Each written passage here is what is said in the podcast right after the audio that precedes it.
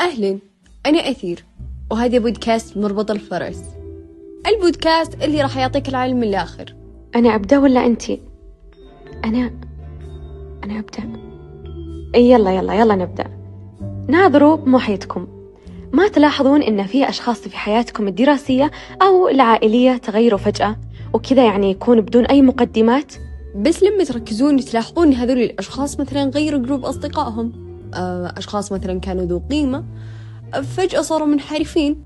بس لما تشوفون محيطهم أساسا يكون المحيط متغير سواء كان جيد أو كان سيء. وحتى لو تلاحظون أن حتى أحيانا تكون قناعاتكم غير. لكن لما تشوفون أن محيطكم ما يحمل نفس القناعات ممكن أنكم تتخلون عنها؟ أو لحظة لحظة خلوني نأخذها بصورة أبسط. آه تذكرون أيام الدراسة عن بعد؟ لما انتشر reaction اسمه reaction غايدة. طبعا اللي ما يعرف رياكشن غايدة آه غادة هي طالبة دافورة. آه كتبت اسمها بالشات والبنات حسبوها إجابة فقلدوها يعني. بدون حتى ما يكلفون على أنفسهم أن هم يشوفون هذا هذه الإجابة أو يشوفون هذا الاسم أو يبحثون حتى. أذكرها أذكرها والله. يعني صدق مع الخيل يا شقرة. وتدرين هذا وش يسمونه؟ هذا سيكولوجية القطيع. وش يعني؟ يعني تأثير الجماعة على قرارات الفرد. وهذا صدق إنه قاعد يصير بحياتنا وأحيانا بغير وعي إن نتبع القطيع. هو صراحة الموضوع معقد شوي يعني ومتداخل فيه أشياء كثيرة.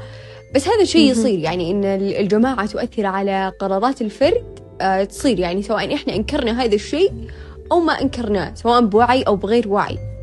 طبعا في تجارب كثيرة مرة عن تأثير الجماعة على الفرد يسمونها سيكولوجية القطيع أو عقلية القطيع أو نظريات تانية زي مفارقة أبيلين. عمركم سمعتوا عنها؟ بس في تجربة حصلت الأحداث حقيقية آه، شدتني جدا. آه، قريت عنها أول. آه، هي تجربة خليني أخليك تتخيلين. عشان تفهمين الصورة يعني. هو تخيلي إنك في غرفة فيها دخان أشتغل إنذار الحريق. كل شيء يدل إن في خطر وأنت لحالك يعني ما معك أي شخص ثاني. إيش تتوقعين إنها راح تكون ردة فعلك؟ والله لحد رجلي طبعا يعني. أنا بالنسبة لي أنا بالنسبة لي زيك. أعتقد إن ردة الفعل اللي راح تكون موجودة هو إني بأطلع بخارج نفسي. تخيل اللي تغير الوضع آه، واشتغلت إنذارات حريق. وامتلت غرفة بالدخان بس معاكي عشرة أشخاص. طبعا العشرة أشخاص هذه ما يعطون أي ردة فعل. يعني هم يشوفون الحريق يشوفون الخطر بس ما يعطون أي ردة فعل. هل تتوقعين إنك راح يعني تعطيني نفس ردة الفعل الموجودة؟ والله عاد على قولتهم الموت مع الجماعة أرحم. في الغالب إننا إذا كان معانا كذا ناس ما يعطون أي ردة فعل إنه ما راح نعطي ردة فعل. صح. بالغالب إنه يكون كذا.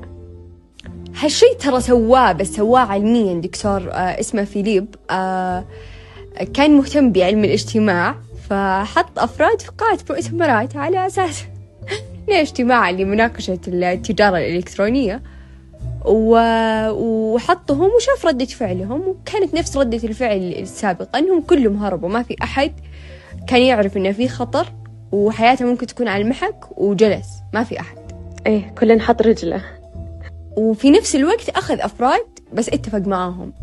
قال لهم إن ترى آه، حاليا آه، إحنا متفقين إن تشوفون الإنذار تشوفون الحريق بس لا تتحركون. وحط بينهم شخص واحد ما يدري إيش قاعد يصير. فتخيل إن الشخص هذا الشخص هذا اللي ما يدري إنه في يعني ما يدري بينهم اتفاق هو الوحيد اللي قرر إنه يطلع من الغرفة. بس لما طلع من الغرفة وكان يدري إنه في دخان وفي حريق رجع مرة ثانية لأنهم كلهم موجودين. تخيلي. يعني لهذه الدرجة لهذه الدرجة أثروا عليه الجماعة. يا ساتر. والله صدق إنها حركته رهيبة مرة. تدرين صارت حادثة مشابهة للي قلت بالواقع. طبعا آه، صار حريق في مطعم وكانوا كلهم جالسين ينتظرون ويدفعون الحساب علشان يهربون بعدها. لكن تخيلوا وش اللي صار؟ للأسف إن أكلهم الحريق وماتوا. طبعا يعني جلستوا في المطعم أكيد إنها بتحترقون.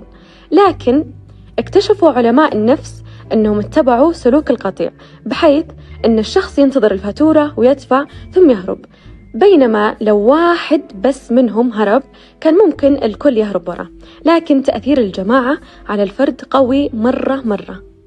والله هنا يجي سؤال آه، جاء في بالي الآن إن هل الجماعة ممكن إنها تأثر على الفرد لدرجة إنه ممكن يضر نفسه. يعني شيء يخوف فعلا. من اللي شفناه أكيد أن تأثير الجماعة على الفرد قوي جدا. طبعا من الأسباب اللي تخلينا آه نتبع سلوك القطيع آه في أسباب كثيرة صراحة لكن حكم المجتمع.